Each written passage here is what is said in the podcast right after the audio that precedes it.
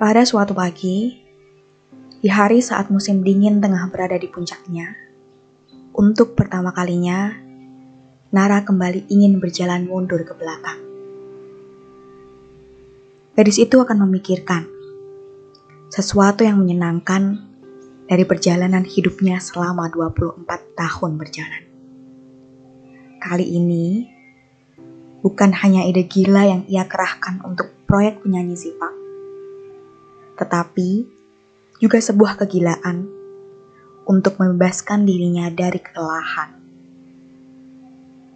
Lagi pula, bukankah tidak apa jika merasa tidak baik-baik saja?